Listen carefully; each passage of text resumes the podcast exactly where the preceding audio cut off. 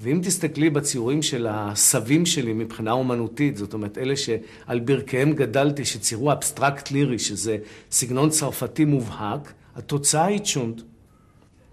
שטרייכמן צייר חמין מבחינת...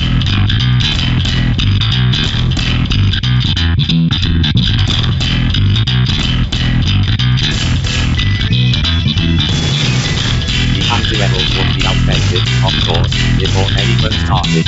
Then on the page, who's sincere, clearly regret, backward, wait, naive, anachronistic. Maybe that'll be the point. Maybe that's why they be the next real level. Real level, as far as I can see, with disapproval. בוקר טוב, צהריים טובים, אחר צהריים טובים, ערב טוב, לילה טוב ולפנות בוקר נהדר לכם. אתם מאזינים למשדר רשת, לי קוראים ארז. משדר רשת פודקאסט בענייני השעה, שזה מה שמעניין אותי בשעה שבה אני מדבר. ומה שמעניין אותי הפעם, ובדרך כלל מה שמעניין אותי זה, זה אומנות.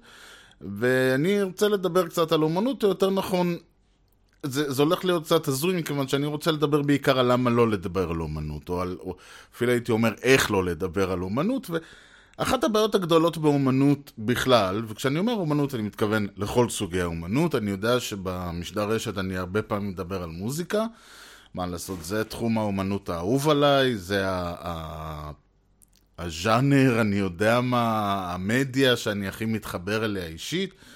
אבל אני אוהב אומנות על כל סוגיה, ולכן כשאני אומר אומנות אני מתכוון לספרות, לשירה, למוזיקה. כמובן על כל סוגיה, הכלית, הקולית, התיאטרלית, כמובן לדרמה, אם זה תיאטרון, אם זה אה, קולנוע, טלוויזיה, כל סוגי. אה, כמובן ציור, פיסול ואפילו מחול. כל סוגי האומנות שיש הם, הם אומנותיים, כל אחד מהם בדרכו שלו, והם כולם, כבודם במקומם מונח. והבעיה העיקרית עם רובם, הייתי לא הייתי אומר עם כולם, אבל הבעיה העיקרית עם רובם היא שאי אפשר לדבר עליהם. הסיבה שאי אפשר לדבר עליהם היא כשאני אומר לדבר ואני גם מתכוון לכתוב, אה, היא שהדיבור והכתיבה זה מדיה ורבלית. כשאני מדבר, או כשאני כותב, וזה לא משנה אם אני אה, מדבר, אם זה משדר רשת, או שיחה, או, או אה, אני לא יודע, מעל גלי האתר השונים, וכשאני מדבר על לכתוב, אז זה לא משנה אם אני כותב מאמר, או ספר, או מחקר, או כל דבר אחר. הבעיה העיקרית עם כל אחד ואחד מה, מהמדיומים האלה הוא שהוא ורבלי, הוא מילולי. צורת ההבעה שלו היא בכתב, דרך ההבעה היא על ידי התנסחות של מילים, של משפטים, של... אה, וזה לא משנה, יכולים להיות המשפטים הכי מורכבים ויפים וחשובים ו- ומלאי uh, מטאפורות ומה שלא תרצו, יש איתם בעיה אחת, היא שהדבר שהם עוסקים בו, במקרה הטוב אה, חולק איתם את אותו, אה, אה, כלומר במקרה הטוב שזה אומנות, וספר, שזה סליחה, ספרות, שירה, ואפילו במובנים מסוימים דרמה, חולק איתם את אותו, נקרא לזה אפיק. זה, זה צריך ל... הרעיון הוא שכל האומנויות הוורבליות, שזה ספרות, שזה שירה, כלומר כל האומנות הכתובה, כל האומנות המדוברת, זה יכול להיות שירה... בעל פה, זה יכול להיות הקראה, זה יכול להיות אה, כמובן מחזה או דרמה או תסריט, כלומר התסריט של, של הסדרת טלוויזיה או התסריט של הסרט קולנוע או המחזה של הדרמה. וזה יכול להיות כל דבר, כל הדברים האלה אין שום בעיה איתם בגדול, הם אה, אומנויות טקסטואליות, ורבליות, ולכן לדון עליהם אה, מעבר לבעיות כאלה ואחרות, אולי ש, שכבר, לא, שכבר לא קשורות ל, ל, לנושא שאני רוצה לדבר עליו, כל ה... הבע... אין, אין להם את הבעיה ש, ש, שבוא נאמר ככה, אין קשר בין ה... הנושא השיחה לבין השיחה. באומנויות אחרות, ש... כלומר כל האומנויות האחרות, ושוב זה יכול להיות אה, האומנויות הפלסטיות, שזה ציור ופיסול על כל סוגיו וכל רבדיו. זה יכול להיות כמובן המוזיקה, וזה לא משנה אגב אם זה מוזיקה אה, כלית, קולית, אם זה מוזיקה לתיאטרון, אם זה אופרה, אם... זה לא משנה. האומנות פה היא המוזיקה, לא הטקסט, אני אגע בזה בהמשך. וזה כמובן אה, מחול, או אה, אה, החלק הדרמה, של, החלק הדרמטי של הדרמה, שזה, החלק הדרמטי של הדרמה הוא לא המחזה, או החלק הדרמטי של הקולנוע, או החלק האומנותי נקרא לזה, של הקולנוע והטלוויזיה, הם לא הטקסט. זה כל מה שמעבר לטקסט, שזה בהרבה מובנים המשחק, אם זה קולנוע או טלוויזיה, אז גם עניין המצלמה, תנועת המצלמה, הבימוי מה שנקרא. הבימוי בתיאטרון אה, יותר נוטה לכיוון, ה, שוב, של המשחק, של הדרמה מה שנקרא. הדרמה בדרמה היא לא המחזה, הדרמה בדרמה היא הצורה שבו השחקנים מעבירים את המחזה. ולכן, כל האומנויות האלה, וכל אלה שפספסתי, ואני בטוח ש... ומחול גם, אני הרבה פעמים הולך להגיד ומחול גם, כי אני תמיד שוכח ממחול, יש לזה סיבה שאני, מכל האומנויות אני הכי פחות, הכי יותר קשה לי עם מחול. אה, וזה דווקא מצחיק, אני אוהב מוזיקה, אז מה הבעיה שלי עם מחול? אז זה בדיוק העניין, שאני לא מבין, אני אומר, המוזיקה נהדרת, למה הם קופצים כל הזמן? זה לא חייב להיות בלט, גם, גם במחול מודרני קופצים כל הזמן, מבחינתי. זה שהם רצים על הבמה, או זה, זה לא משנה מבחינתי. אז בכל האומנויות שהן לא אומנויות כתובות, יש בעיה עם הנושא של איך לדון עליהן. קודם כל, לא תמיד, אני אומר, לא צריך ודאי לדון עליהם, אבל אז בא מישהו ואומר, כן, עכשיו איך תלמד את זה? איך uh, תעביר את הנושא לאנשים שלא מכירים את האומנות? איך תעביר את הנושא לאנשים שבאים לא מהעולם של יודעי חן ורוצים uh, להתכנס לתוך העולם של המוזיקה או של הציור, איך תעשה את זה בלי להשתמש בכלי היחיד שיש לנו לתקשורת בין אישית וזה מילולית. אני אומר, אוקיי, אפשר לעשות את זה, אבל זה צריך להיעשות בצורה מאוד מאוד, אה, כמובן בדחיל אורחימו, אבל זה לא הפואנטה, גם, גם ניתוח ספרותי צריך להיעשות בדחיל אורחימו. השאלה פה היא לא כמה כבוד ליצירה אני נותן, אלא במוזיקה אה, יש איזו יציאה שאני, שאני הכרתי אותה לאלוויס קוסטלו, אבל אה, ממה שאני מבין יש לזה, יש עוד ועוד ועוד אה, וריאנטים מוקדמים יותר, שאומר שלכתוב על מוזיקה זה כמו uh, לרקוד על ארכיטקטורה. באנגלית זה נשמע יותר טוב. זה writing about music is like dancing about architecture. כי לרקוד על ארכיטקטורה עוד אפשר. לרקוד אודות ארכיטקטורה זה כבר קשה יותר. אז שוב, זה בדיוק העניין גם. לא נכנסתי לרמה של תרגום וזה, אבל תחשבו כמה אלמנטים הולכים לאיבוד ברגע שאני מתרגם, אה, מדבר בעברית על יצירה אנגלית, שלא לדבר על מדבר בעברית על יצירה סינית או רוסית או משהו ש... ש... וכמה משמעות מהיצירה הולך לאיבוד ברגע שאנחנו עוברים משפה לשפה, אז תחשבו שלדבר על יצירה שהכוונה של זה אומר שה... ה... בשביל לעבור, בשביל לעבור ממוזיקה. לד... לדיון, המרחק בין השניים הוא בערך כמו המרחק בין ארכיטקטורה וריקוד. זאת אומרת, אם אנחנו צריכים לחשוב כמה מימדים צריכים לעבוד, וזה בכלל לעניין, שארכיטקטורה הוא, זה משהו סטטי, גדול, שנבנה, וריקוד הוא משהו דינמי, שנעשה יש מאין, וקורה ברגע מסוים, ו- ואתם יודעים, מצמצת, פספסת מה שנקרא. ויותר מזה אני גם אגיד, אה, בהרבה מובנים אין מקום בכלל, לדון ב, ב, ביצירה, או אין, מק... אין אפשרות גם. אני, הטענה שלי, אגב, אם מישהו ממש אה, מעניין אותו מה, איפה אני נמצא, אני חושב שבכלל אין מקום לדיון במרכאות אה, אומנותי, מאחר ואין אפשר... כל ניסיון להעביר את ה-whatever של יצירה, ואני תכף אנסה להגיד מה זה ה-whatever הזה, אבל כל ניסיון להגיד מה, לדון ב-whatever של יצירה, נידון לכישלון, כי אם האומן, וזה לא משנה איזה אומן זה יהיה, יכול להיות בטהובן, יכול להיות uh, ג'ון לנון, יכול להיות uh, באך, יכול להיות uh, בארטוק, כל, כל אומן באשר הוא אומן. כמובן פיקאסו ופסלים, אני יודע מה, רודן והיצ'קוק וכל זה, אם היה רוצה, או היה יכול, להעביר את ה-whatever שלו, באמצעים שהם ורבליים, באמצעים שהם טקסטואליים, לא היה הולך ועושה מוזיקה או קולנוע או ציור או פיסול. כיוון ש...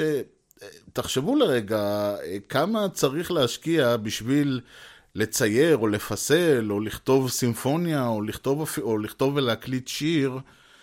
כמה הרבה יותר פשוט להקליט אה, אה, משדר או לכתוב טקסט או כל דבר אחר. אני לא אומר שזה קל. אני אומר שבניגוד לכל האומנויות האחרות שרובנו המוחלט, אני אומר רובנו כי תמיד יש איזה מוצרט שידע לנגן לפני שהוא ידע לדבר, אבל אני אומר שרובנו המוחלט אה, נאלצים לרכוש את המיומנות האומנותית כ- כמיומנות חדשה, כ- כמשהו שאנחנו לא נולדים, חושב שהוא נכון שילדים יודעים לצייר וכו' וכו', אבל לא על זה אני מדבר. אני מדבר על יכולת לצייר, אה, על, אה, אתם יודעים, ציורים ברמה של... ציורים, כן? לא... זה מיומנות שדורשת הרבה לימוד והרבה השקעה והרבה אימון, שלא לדבר על פיסול, שזה שם זה כבר ממש אומנות גם, צריך ללמוד על חומר, ואיך עובדים עם החומר, ואיך מייצרים, וכל מיני טכניקות, אתה ממש רוכש אה, שם קריירה, זאת אומרת, מי שמפסל בברונזה הוא נפח בפועל, נפח עם, עם, עם אספירציות אומנותיות. אספיר... רמת האספירציות זה כבר תלוי כמה הוא אה, אומן טוב, אבל בגדול הוא סוג של נפח. מי שעובד בשיש הוא סוג של סטת, כן? אז ואותו דבר, מי שכותב uh, מוזיקה לתזמורת צימפונית, או בכלל, הוא צריך להכיר את כל הכלים, והוא צריך לדעת את כל הניואנסים של הדברים, וכמובן את היכולת uh, ל- ל- לנסח, וזה, לנסח את, ה- את היצירה שלו ב... בנוטציות של זה, התווים, וכל מה שקשור בזה, ו- וכל... ואז אתה גם צריך מישהו שיבצע, אם, אם אתה צייר או פסל, או אתה, אתה עוד יכול, אתה עשית את היצירה יופי, עכשיו תמצא איפה לתלות אותה, מוזיקה אתה גם צריך שמישהו יבצע אותה. ואם זה תזמורת, אז אתה בבעיה. כלומר, אני יכול לכתוב יצירה ל... אני ארז, כן? יכול לכתוב יצירה לכלים שאני יודע לנגן עליהם, שזה בערך גיטרה, ולבצע אותה בעצמי, סוג של, כן. לי, אני לא כזה גיטריסט גדול, אבל אני אוכל פחות או יותר לבצע אותה. אם אני אכתוב יצירה לחמש גיטרות, יש לי בעיה. עכשיו, מאיפה אני אביא עוד עד ארבעה אנשים? אז אומרים, טוב, אתה יכול להקליט את זה ארבע פעמים, אני עושה בסדר, ואני גם מכניס פנימה שני קלרינטים וכינור. אבל אני לא יודע לנגן לא על קלרינט ולא על כינור, עכשיו יש לי בעיה. הרבה יותר פשוט אם הייתי יכול, באמת, אם הייתי יכול את הרעיון הזה שאני, אה, אה, יש לי בראש, שאני רוצה לבצע, אם הרעיון הזה הייתי יכול להעביר אותו בכתב במקום מוזיקלית, הייתי מעביר אותו בכתב. וכל אומן אחר, ש, ש, ואני חותם לכם, אם היה יכול את ה-whatever הזה שלו, להעביר בכל מדיה אה, בכתב, בטקסט, ב, ב, כלומר, לכתוב את זה, או להכתיב את זה, או להקריא את זה, או לעשות את זה ברמה, ב, כ, כפרוזה או כשירה או ככל דבר אחר, היה עושה את זה. הם לא, היה להם רעיון, ואז לא בן אדם בא ואומר, טוב, יש לי רעיון, האם אני אכתוב איתו ספר, אכתוב איתו קובץ שירה, או שמא אפסל, או שמא אכתוב איתו סימפוניה. זה לא עובד ככה.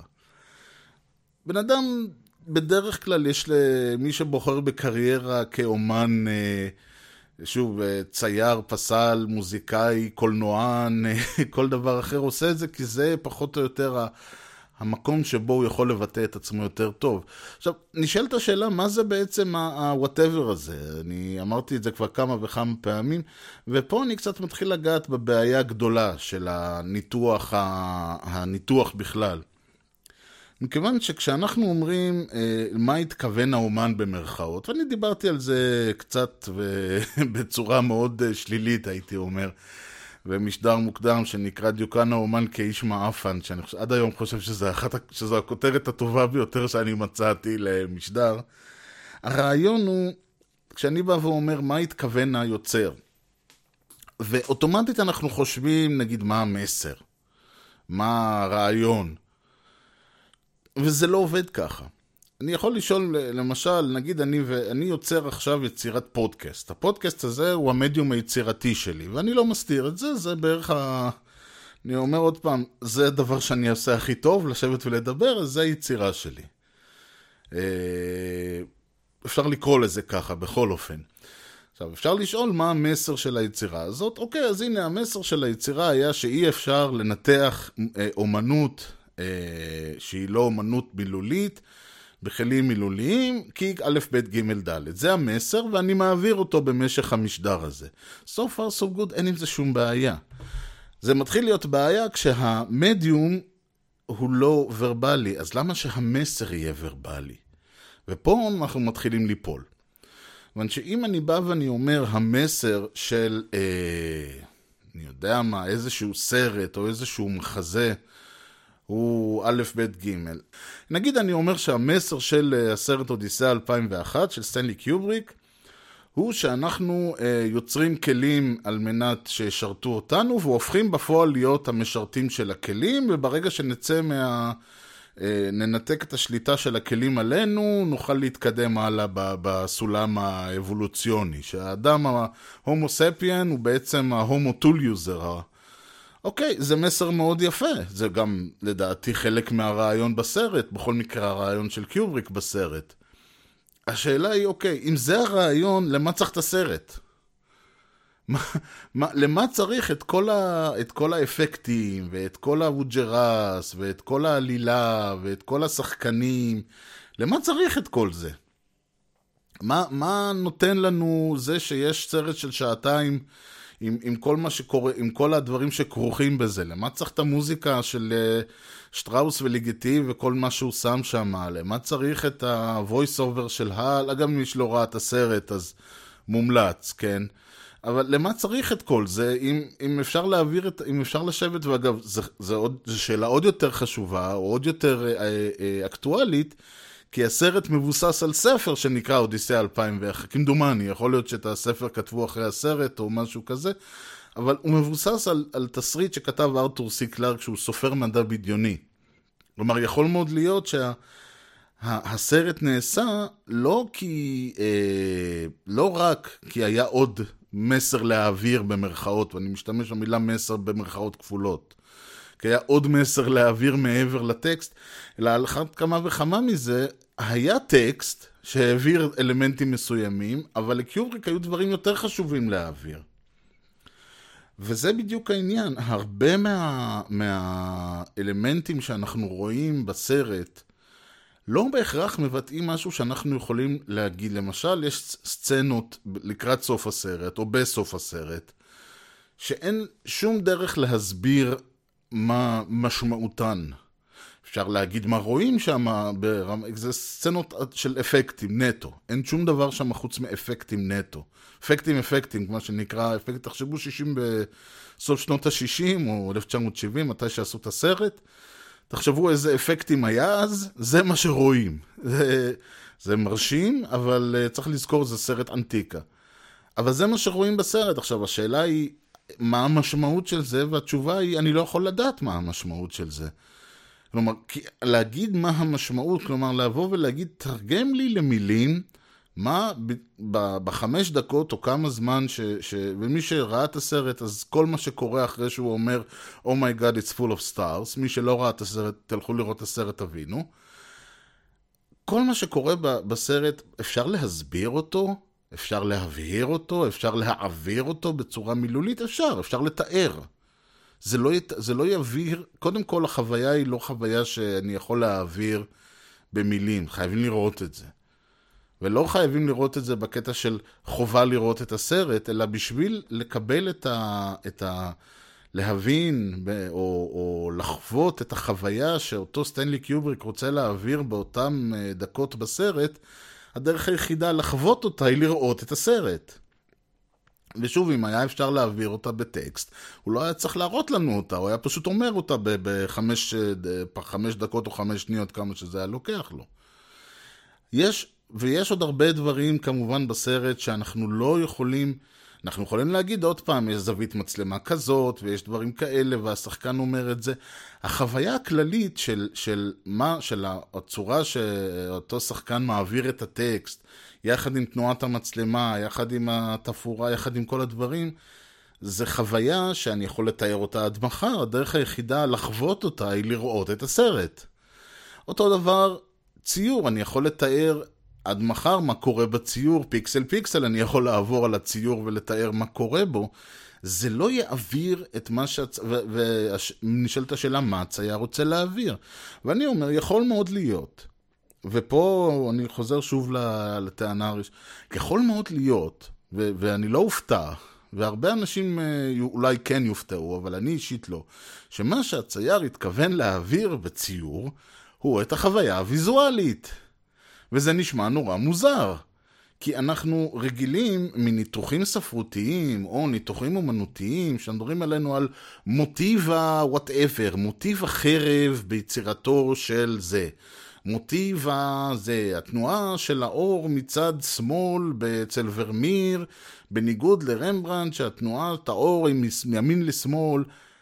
הכל נורא טוב ויפה, אבל יכול מאוד להיות שכל מה שאתם שומעים פה מתאר, כל הדיונים האלה מפספסים את הפואנטה, והיא שהחוויה שהוא רוצה להעביר היא חוויה ויזואלית. הוא רוצה ליצור אצל, אצל הצופה איזושהי חוויה שאי אפשר להעביר אותה במילים. מוטיב החרב שלו, או ה, ה, אני יודע מה, מוטיב הגולגולת, או מוטיב המטבע, או כל מוטיב אחר שיש בציור, יש לו, קודם כל, נכון, אולי מלמד אלף ואחד דברים שאפשר לדון עליהם, אבל בסופו של דבר הוא בחר לצייר את המוטיב הזה בצורה מסוימת. וכשאני אומר מוטיב החרב, איזה חרב? יש אלף ואחד סוגים של חרבות. הם נמצאים באלף ואחד צורות. הם יכולים ל... יש הבדל בין חרב טקסית שתלויה למישהו על החגורה, לבין חרב שלופה שמכוונת לצוואר שלך.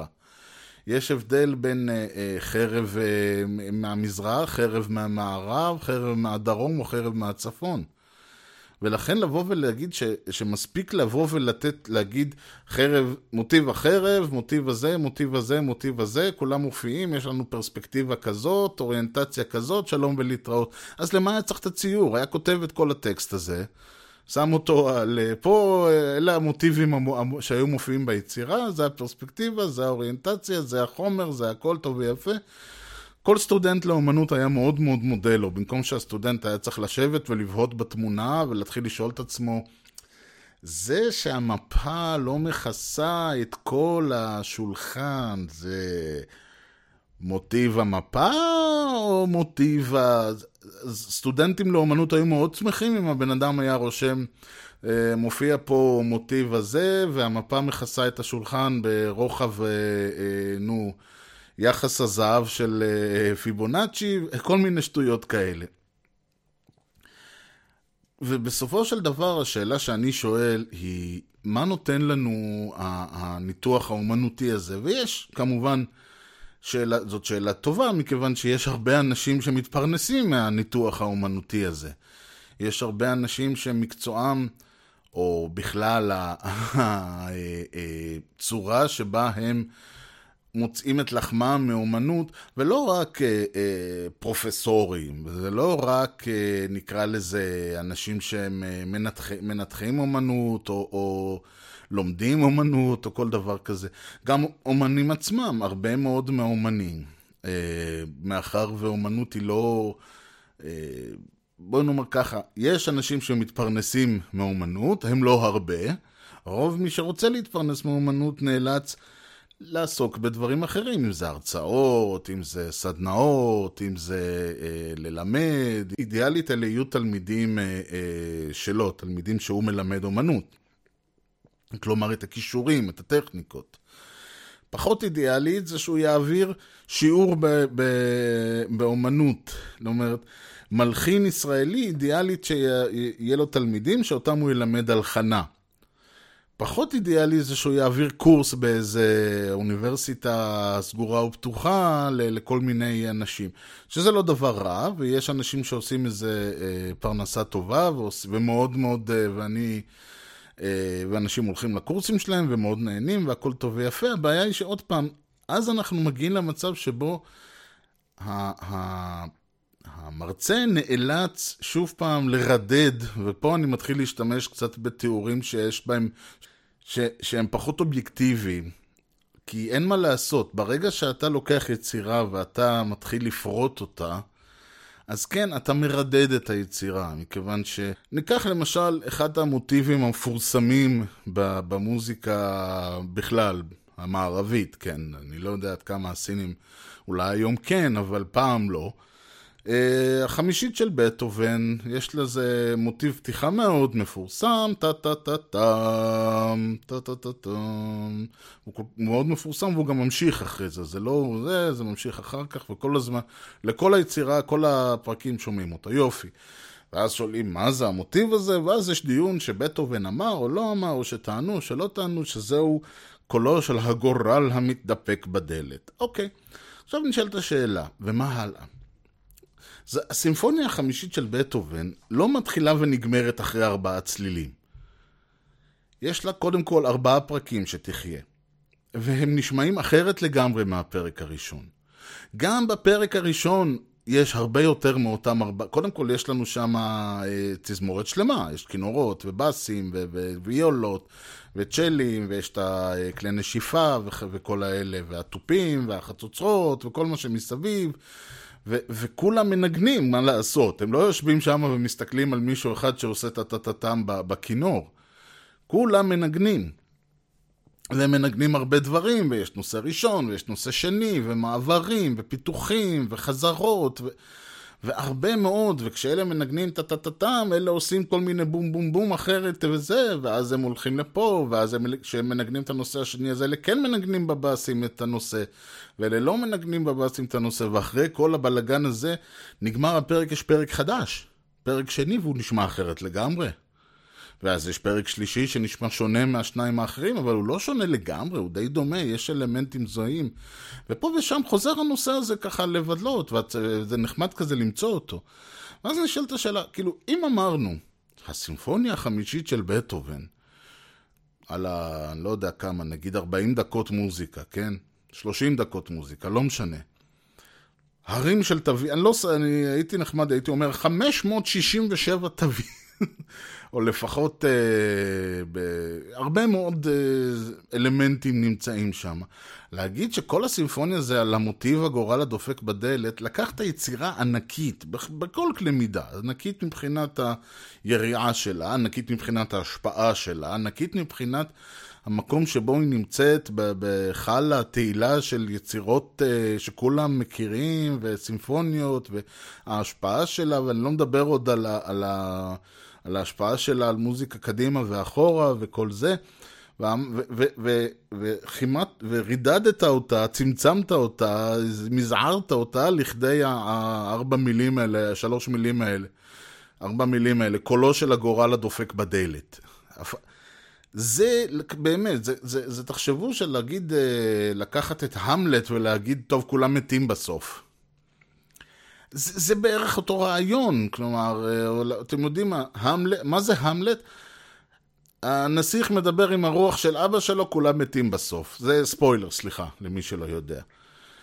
זה, זה בדיוק העניין, ואם בהמלט עוד איכשהו אפשר לבוא ולהגיד, כן, הטקסט, שני, המשפטים שאמרתי עוד איכשהו קשורים לד, לטקסט, אי אפשר לבוא ולומר, קודם כל, מאיפ, מי המציא את השטות הזאת של הגורל, ועד יגידו לי בטהובן אמר את זה, ואני מחזיר אתכם לדיוקן האומן כאיש מאפן, זה שבטהובן אמר את זה לא אומר כלום. יכול להיות ש... קודם כל, יכול להיות שהוא אמר את זה כדי לנפנף ממנו איזה מישהו שעד שהוא לא יביא לו כותרת לעיתון, הוא לא ירד ממנו, אז הוא זרק לו משהו מופתי, והאיש הזה הלך טוב, שמח וטוב לב. יכול להיות. יכול להיות שהוא באמת חשב, ככה, so what. זה לא רעיון. אני יכול לבוא ולהגיד, אין לזה שום משמעות מעבר לעובדה שמדובר בארבעה צלילים. שיש להם צורה ו- ו- ומרווח מסוים, והם דומיננטיים, ואתה מיד שם לב אליהם, ואתה תזכור אותם, ויש לזה, זה, אתה יכול לבוא ולהגיד, לא, זה מרווח כזה, וזה מרווח כזה, והוא משמעותי, מכיוון ש... ואתה יכול להגיד, ל... אני יודע מה, מה ההשפעה של גלי הקול, אבל זה לא הפואנטה, הפואנטה היא שאם אנחנו... קודם כל, יש הרבה יותר מהשלושה צלילים האלה ביצירה. במיוחד שהם מפותחים ו- ויש אינטראקציות וכל הדברים האלה. אבל כל הניסיון לנסות ו- ולתאר, כי הרי מה אני עושה? אני בא ואני מתאר את, ה- את המתרחש ביצירה, וכאילו אומר, אוקיי, וזה הייתה משמעות היצירה. אגב, יכול מאוד להיות שזו הייתה משמעות היצירה. אם אני טוען שהמשמעות במרכאות של יצירה מוזיקלית היא החוויה שאתה חווה בזמן שאתה שומע אותה, אז אין, אז לתאר אותה זה עוד איכשהו אה, בסדר, חוץ מהעובדה שאתה לא יושב ושומע אותה. אני אתן דוגמה למה הדבר דומה. למשל, מישהו בא ושואל אותי איך מגיעים, אה, אה, עוצר אותי ברחוב, שואל אותי איך מגיעים מפה לסנטר, דיזנגוף סנטר. כן, נגיד שאני בתל אביב. אם הוא ישאל אותי עכשיו בבית שמש זה יהיה קצת מוזר, אבל נניח אני הולך בתל אביב ומישהו שואל אותי איך מגיעים לסנטר, אני אומר לו זה נורא פשוט, אתה לוקח בצומת הזאת שמאלה, אתה נוסע ישר, עד שאתה מגיע לכיכר, שם אתה לוקח ימינה, אתה תשים לב מיד אתה לוקח עוד פעם אה, ימינה, שמאלה, אני גם סתם ממציא, אין לי מושג על מה אני מדבר. כלומר, אני, אם היינו בתל אביב ומישהו שואל אותי, אז הייתי יודע לענות לו, עכשיו אני סתם זורק. אבל זאת לא הפואנטה, מיד אחרי זה תיקח שמאלה, ואז אתה נוסע, אז זה דיזנגוף, אתה נוסע ישר עד שאתה מגיע לסנטר. אוקיי, הסברתי לו את הדרך. אם אני בכלל יודע למה הוא הולך לסנטר, מה יש לו לחפש שם? איך אה, אדם ב, ב, ב, ב, בשנות ה... אה, בעשור השני של המאה ה-21 מסתובב בלי אה, מפה של גוגל מפס או אפל מפס או משהו כזה וצריך לשאול? איזה מין קטע מוזר זה?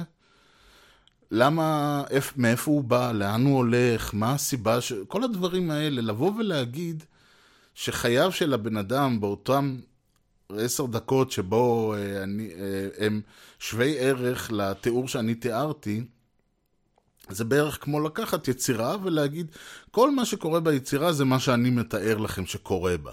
לא על זה אני מדבר, אלא על העובדה שביצירה עצמה, לא משנה מי יושב ושומע אותה, יש הרבה יותר אלמנטים, הרבה יותר אה, אה, יצירה מאשר התיאור הזה. ו, ויותר מזה, גם אפשר לומר, עצם הסיבה שליצירות יש שמות, בדרך כלל אפשר להסתכל על זה בתור ה... אוקיי, האומן מבין, כל אומן מבין, שאין ברירה וחייבים לתת משהו טקסטואלי להיאחז בו. חייבים להשתמש באיזשהו אלמנט חוץ יצירתי, חוץ מוזיקלי, חוץ ציורי, חוץ uh, מחולי, חוץ uh, קולנועי, או כל דבר אחר, כדי לתת לאנשים משהו להיאחז בו, כי אחרת אם הייתי צריך לדבר על ה-whatever של בטהובן, ולהבדיל אותו מהיצירות האחרות שלו, והייתי אומר למישהו, אתה מכיר את ה... של בטהובן? הוא אומר לי, מה? אני אומר לו, אתה יודע, הטה-טה-טם שלו. אז הוא עושה, לא, אני לא מכיר את הטה-טה-טם שלו, אני מכיר את הטה-נה-נה-נה-נה שלו. אז אוקיי, אז סימפוניה חמישית, סימפוניה תשיעית. ו- ואז אם כבר נותנים, אה, ואז אמרו אנשים, אם אני כבר נותן שם, אז אני אתן שם יותר יצירתי, הסימפוניה הפנטסטית, הסימפוניה הפסטורלית, סימפוניית אירויקה. תן לזה שם קצת יותר, אה, אתם יודעים, יחצני קצת, נקרא לזה ככה. ואז זה נהיה כבר טרנד, נהיה פתאום אה, באמת, אז אמרה, יש הסימפוניה הפנטסטית והפתטית, וסימפוניית זה, וסימפוניית ההוא, וקונצ'רטו הקיסר, ולא יודע מה. כל מיני דברים כאלה. ואז לקחו את זה עוד צעד קדימה, ופה אנחנו הגענו למצב שבו זו התקופה הרומנטית, ואני מניח שהם אה, היו צריכים קצת יותר יחצנות, כי פעם כשהיה לך, כש, כשמלחין עבד אצל, באיזה כנסייה או אצל מישהו, אתה לא צריך לתת שמות, זה פוגה ראשונה, זה פוגה 15, זה פוגה 333, מה אכפת לי? ברגע שאתה צריך להביא אנשים שיבואו לראות את היצירה, אתה צריך למכור להם משהו. ומה הכי קל למכור לאנשים? טקסט. שוב פעם, הכי קל לאדם ש, שמגיע מחוץ, אני רוצה שיבוא וישמע את הסימפוניה החדשה שאני כתבתי, דרך הכי קלה למכור לו את זה היא על ידי טקסט. עכשיו, במיוחד אם אני עכשיו מצפה ממנו לשבת חצי שעה ולשמוע כלים מנגנים. אתם יודעים, יש, יש uh, מעט מאוד אנשים יבואו, uh, מרצ... אלא אם כן הם חובבי מוזיקה, אבל לא כל מי שיושב בקונצרט חובב מוזיקה. ואז נוצר איזשהו צורך לבוא, ופה באמת קרה האסון הנורא. ובאו, וזה לא רק, עוד פעם, זה לא רק במוזיקה, אבל מוזיקה אני מכיר. קרה האסון הנורא, והתחילו אה, לבוא ולהגיד, רגע, אחרי, נגיד, הרבה יותר קל לציור למשל, לחשב אה, זה, כי, כי אנשים באים ואומרים, אני מצייר משהו, ולא אני ארז, כן, ש, שלא יודע לצייר uh, מרכב, כן, אבל אתה, אם אתה מצייר משהו ואנשים באים ואנשים לא מבינים מה ציירת, אין להם מושג בציור, זה בסדר, אני לא, אף אחד לא צריך, אף אחד לא נולד עם הבנה בציור. מסתכלים על הציור, אומרים, יאללה זה נראה ממש דומה. טכניקה מדהימה, זה נורא, אתה ממש נראה כאילו הדמויות יוצאות מהציור. זה הציור הפיגורטיבי, הציור הקלאסי. זה נראה עוד שנייה, אני מדמיין שאני יושב איתם בחדר. אז, אז מעולה, ואז uh, ככל שהציור היה כביכול יותר אותנטי ויותר זה, אז האנשים יותר uh, נמשכו לזה, ואז היה נורא פשוט uh, להתקדם הלאה, פשוט תשבור את הכיוון הזה, תלך, תלך ותעשה ציורים שנראים uh, ההפך, כמו שעשה ואן גוך וכל זה, שפתאום לא יודע מה, אנשים בצבע סגול, ו- והבית נראה עקום, ו- ואז כזה אנשים, אה, הוא מורד, אה, זאת אומרת, נוצר איזשהו נרטיב, חוץ יצירתי, שלקהל הרחב קל להתחבר אליו.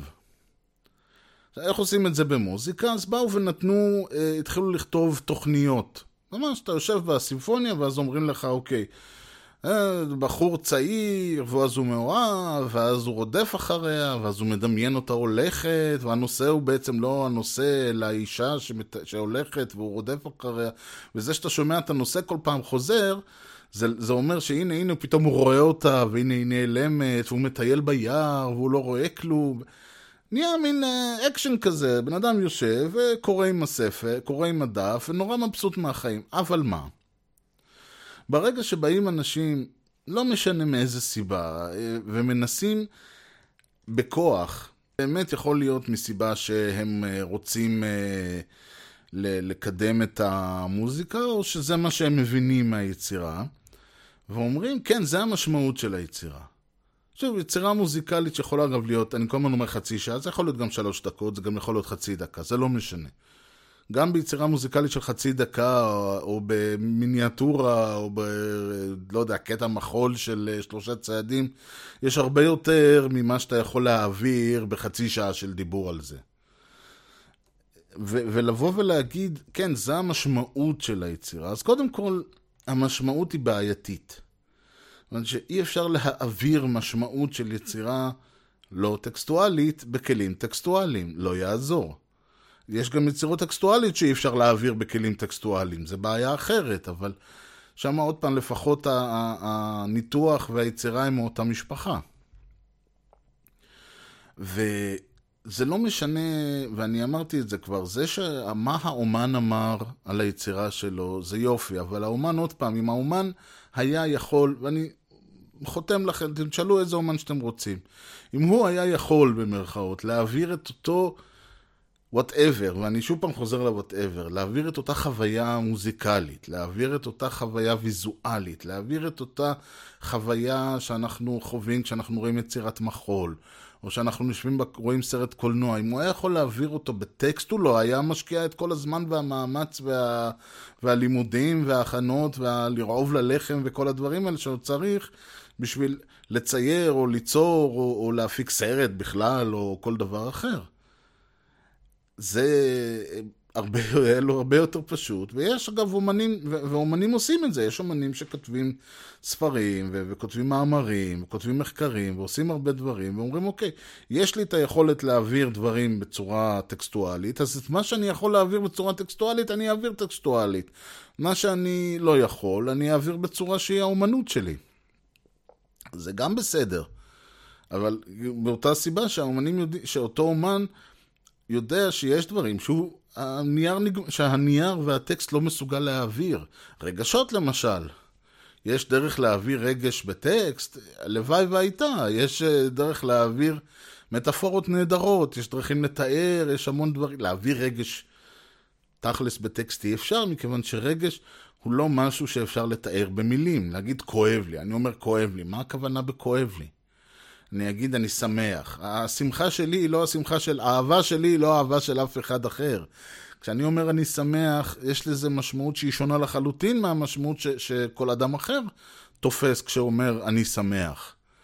אני יכול עכשיו להתחיל להסביר למה אני מתכוון, ולמה אני מדמה את זה, ואיזה מחשבות, ואיזה דברים, וזה, אם לא היה ככה, לא הייתה שירה, לא הייתה ספרות. ואני יכול לבוא ולהגיד, אוקיי, אני אנסה להעביר את זה ביצירה, אני אנסה להעביר את זה בדברים. זה לא, אגב, זה לא שאני אומר שכל יצירה מעבירה רגשות. יש יצירות מוזיקליות, למשל, כמו למשל החמישית של בטהובן, שהם, המת... החוויה שהן אמורות להעביר היא בכלל לא חוויה רגשית. יש אלמנטים רגשיים ביצירה. אבל החוויה שלהם, לדעתי, היא חוויה יותר שקרובה לארכיטקטורה. כלומר, הרעיון הזה שאם אתה מסתכל על בניין, זה יכול להיות, אני יודע מה, עזריאלי, כן?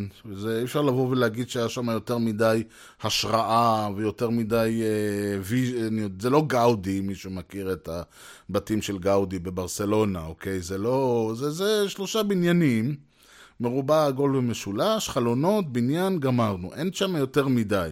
תחשבו על הרעיון הזה שאנחנו לוקחים את חומרי הגלם הבסיסיים, ומזה נבנה גורד שחקים ענק. באותה מידה אפשר מהחומרים האלה לבנות בקתה, אפשר לבנות מהם אה, בניין, אפשר לבנות מהם גורד שחקים, אפשר לבנות מהם הרבה דברים אחרים, אפשר גם לעשות מהם פסל. באותה מובן, הרעיון הוא שאתה לוקח מוטיב מוזיקלי, אתה יכול לעשות ממנו שיר, ואתה יכול לעשות ממנו, אה, אני יודע מה, אה, סימפוניה, ואתה יכול לפתח לו את הצורה עד שאתה, כאילו, מכל הכיוונים, ולנסות להוציא את המיץ מתוך השלושה, ארבעה תווים, חמישה, לא משנה כמה האלה. יש בזה עניין ש... ש ו, ולהעביר הרבה מאוד אספקטים של הדברים. נכון שיש בזה גם חוויה רגשית, אבל יכול להיות שהכוונה היא פה לקחת באמת, להביא את התווין למיצוי ה... למיצויה, למיצוי הפוטנציאל המוזיקלי שלהם. יכול מאוד להיות. יכול מאוד להיות שבטהובן ומוצרט ובאך וכל אלה הם בכלל, הם לא יוצרים משהו שאנחנו מבינים, אלא אם כן אנחנו נלמד לדבר בשפת המוזיקה שלהם. ו- ושפת המוזיקה שלהם היא שפה שאי אפשר להעביר אותה במילים, אפשר להעביר אותה במוזיקה, והדרך היחידה להבין אותה היא לשמוע את היצירה. זה, זה מין... אני חוזר לטיעונים האלה כל הזמן, מכיוון שיש באמת איזושהי נטייה, וזה לא רק uh, השמות, זה לא רק שאני בא ואני אומר, כן, יש את הציור גרניקה של uh, פיקאסו, על מה הוא? על גרניקה. עכשיו, כל מי שראה את הגרניקה של פיקאסו יודע שזה לא רק על הגרניקה, זה, יצירה מונומנטלית, גדולה, זה חוויה, זה הרבה יותר מזוועות המלחמה, מאחר ואין שם ממש זוועות. יש שם הרעיון שם הוא, שוב, אני נאלץ להשתמש במונחים טקסטואליים, אבל הרעיון, החוויה הוויזואלית אמורה ל, לא להיות מטרטלת במובן של לראות uh, תמונות. כלומר, הרעיון שלו היה להגיד, אוקיי, אם עכשיו יבוא מישהו ויראה את מה שקורה שם, זה יזעזע אותו. וזה יזעזע אותו כי הוא יראה אנשים, אתם יודעים, גופות ודברים כאלה, ואנשים פצועים, ואנשים בוכים וכל זה. עכשיו, אני רוצה להעביר, לעשות יצירה ש, שתיתן למישהו את ההרגשה המזעזעת הזאת, בזה שאני אצייר יצירה מאוד גדולה, שחור לבן, שהדמויות לא, אין, אין, שהעין לא מסוגלת להתמקד כי הדמויות עצמם כל, כולם אה, בקוביסטיות הזאת של מה שאתה לא יכול, זה לא פיגורטיבי, אלא זה נשבר כל הזמן. אוקיי, עכשיו, יכול להיות שזאת לא הכוונה שלו, יכול להיות שהכוונה שלו היא פשוט, אני רוצה לצייר ציור גדול. גם יכול להיות. החוויה... הדרך היחידה אבל לחוות את החוויה הזאת היא לעמוד מול הציור ולראות אותו. כיוון שאם אני מתאר לך, אתה תגיד, אה, זה נשמע נורא יפה, ואז תראה תמונה של זה באינטרנט, תגיד, מה, מה השוס? השוס הוא קודם כל שהציור ענק. אז אולי שווה לעמוד, לעמוד מולו כדי לחוות את החוויה הזאת, אני לא יודע. הרבה פעמים, וזה למשל, אה, הייתה לי מורה, ואני לא אגיד מי ומה, שדיברה איתנו למשל על אה, קרמן של ביזה. עכשיו, לא משנה שאני לא מחזיק מקרמן של ביזה מסיבות מוזיקליות, אבל לא משנה, היא דיברה על קרמן של ביזה, ואז היא אמרה, באריה הזו והזו, היא אומרת, אני עושה ככה, אהבה היא, אה, לא זוכר, אהבה היא כמו ציפור, אני אומר, כן, אבל זה הטקסט. אז כן, אבל זה הדמות של קרמן שאומרת שהאהבה היא כמו ציפור שאי אפשר לתפוס אותה, ולכן קרמן עצמה היא כזאת בוגדנית, ואני אומר לה, כן, אבל זה הטקסט. ו- וזה בדיוק העניין, להתחיל, איך אתה יכול לדבר איתי על מוזיקה בזה שאתה מדבר על הטקסט? מישהו, קראתי כתבה, אני חושב לך תמצא אותה לפני כמה זמן על בני אמדורסקי, בכלל חיפשתי משהו על אסף אמדורסקי ונתקלתי בזה. והתחילו לדבר שם על בני אמדורסקי, וכל הזמן הבן אדם ציטט בתים שלמים משירים של בני אמדורסקי. עכשיו, בני אמדורסקי לא כתב את השירים האלה. יכול מאוד להיות שאני גיטרה, כן, נכתב עליו, בגלל ש... על ידי נעמי שמר שהכירה אותו, וזה כאילו פורטרט של בני אמדורסקי במילים ולחן של נעמי שמר. יכול להיות, אבל מה אני לומד מהשיר הזה על בני אמדורסקי הזמר? כלום, כיוון שבני אמדורסקי א' לא כתב את השיר, הוא שר אותו. בטקסט, בלכתוב את הטקסט אי אפשר לדע, אי אפשר להעביר את הצורה שבה בני אמדורסקי הזמר העביר את השיר. אני לא מקבל שום דבר, מה, שום חוויה, שום אלמנט שיגרום לי להבין מה היתרונות או החסרונות או האומנות, או מה, מה בני אמדורסקי טוב יותר או פחות מכל אומן אחר. זה, זה, זה הרעיון, זה, זה לבוא ולהגיד, אוקיי, אני אתאר לך את בני אמדורסקי הזמר על ידי זה שאני אצטט משיריו. אז קודם כל הם לא שיריו, זה שירים שהוא ביצע. אה, אני יכול להגיד, שיר של אלוויס האונדוג. עכשיו, שיר של אלוויס האונדוג לא נכתב, לא נכתב על ידו, גם לא נכתב בשבילו. זה שיר שהוא שמע וביצע אותו. עכשיו, לך תסביר לאנשים מה החשיבות של השיר בזה שאתה מצטט את הטקסט. אפשר להעביר את זה, אי אפשר להעביר את, ה, את, ה, את התחושה של האנשים שצפו שם, את, ה, את ה, מה שקרה, בלי לשמוע, בלי לראות את אלוויס מבצע את האונדוג. קשה מאוד לכתוב, תראו, אני לא אומר שאי אפשר. יש אנשים שעושים את זה, יש אנשים שכותבים נהדר על מוזיקה, יש אנשים שכותבים נהדר, אבל הם בדרך כלל, אלה אנשים שיודעים להתמקד בדברים הבאמת חשובים, מבחינת הטקסט, שזה דברים שאפשר לתאר אותם, שזה החיים של הבן אדם. שזה הצורה שבה הוא, אני יודע, מה שקרה במהלך ההקלטה, למה הוא בחר בשיר מסוים, מה עבר לו בראש, דברים שהוא אמר, דברים שהוא כתב. אי אפשר לדבר מה שפחות על המוזיקה, לדבר מה שפחות אה, ניתוח מוזיקלי של היצירה.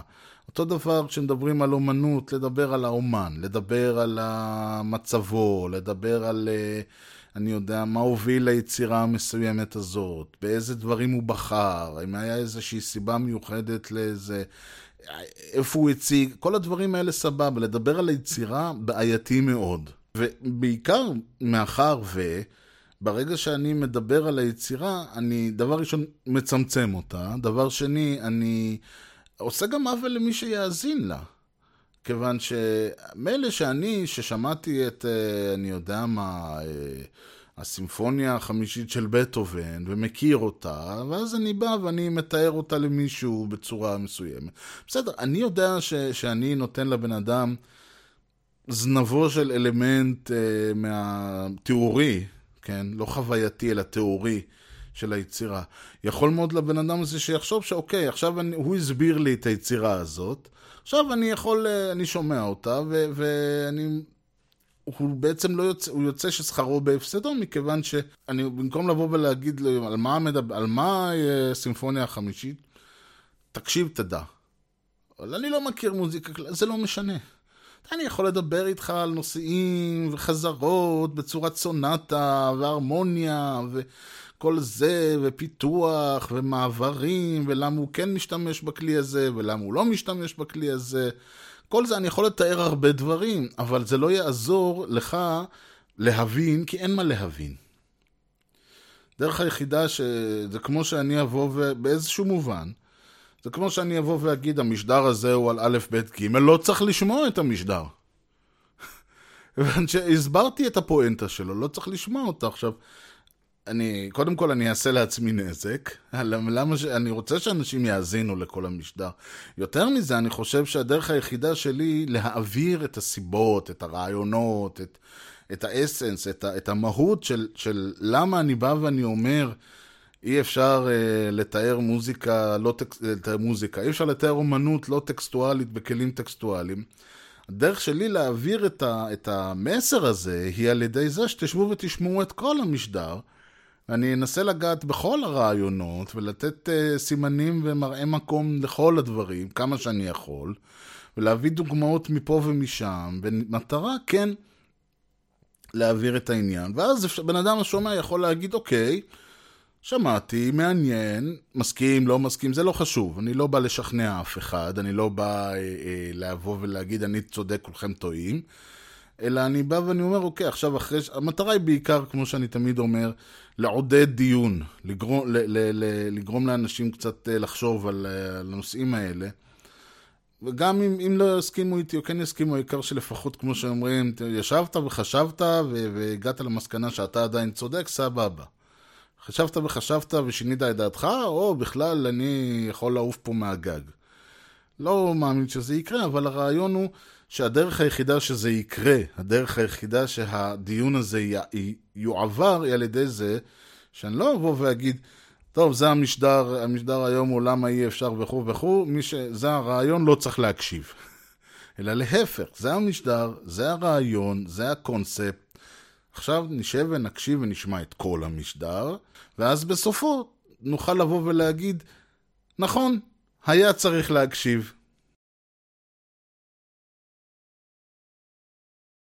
ובאווירה אופטימית זו זמננו תם להיום, כלומר זמננו אף פעם לא תם. כלומר, אני משתדל לכו- לכוון לאזור ה-50, בין 50 דקות לשעה. אה, ולכן כשאני אומר זמני תם, הרי אני יכול לעשות אה, גם שלוש שעות, ויש יש פודקאסטים שעושים שלוש שעות. אה, שיב- שיבושם להם. אני, אני אישית חושב שבשביל שאני אוכל לבוא ולעשות משדר, ש... זה נורא פשוט לעשות משדר של שלוש שעות, אני חושב, במיוחד אם זה שיחה של כמה אנשים. מאוד קשה לעשות שעה כשאתה מדבר. בדרך כלל משדרים של מישהו שהוא מדבר הם באזור ה-20 דקות. לא כזה, לא, זאת לא הפואנטה, הפואנטה היא שכשאני אומר זמננו תם, אני מתכוון לזה ש, שהזמן שאני הקצבתי לטובת הנושא הסתיים. אה, זמננו שלי ושלכם בהחלט לא תם, ובאמת אם מישהו אה, שמע במשדר הזה או במשדרים אחרים דברים שהוא מעוניין לדבר עליהם, לשאול שאלות, להביע רעיונות, שוב, מסכים, לא מסכים, פחות חשוב לי, חשוב לי יותר הדיון. אז uh, דרכים ליצור איתי קשר הם uh, כמובן במייל, המייל שלי הוא ארז שטרודל משדר רשת נקודה co.il ארז E-R-E-Z, משדר רשת כותבים כמו ששומעים. Uh, האתר הוא משדר רשת co.il, אפשר למצוא שם את כל משדרי העבר, אפשר להירשם ל-RSS, או סתם פשוט להיכנס אחת לשבוע, שבועיים, תמיד קורה משהו. אפשר למצוא את משדר רשת ב Apple iTunes, Apple Podcast. אני בזמנו, אני אמרתי שאפשר למצוא ב Stitcher, מסתבר שכנראה לא. אה, אני עשיתי לזה submit ואני לא מוצא את זה שם, אני מנסה להבין למה ו- ומי נתן את ההוראה. אפשר ליצור איתי קשר גם בטוויטר, אני ארז, ובפייסבוק משדר רשת. ועד כאן משדר רשת להפעם, אני רוצה מאוד להודות לכם על שהאזנתם. נתראה בפעם הבאה, אני הייתי ארז, ושיהיה לכם המשך יום נהדר, ולהתראות. Yeah.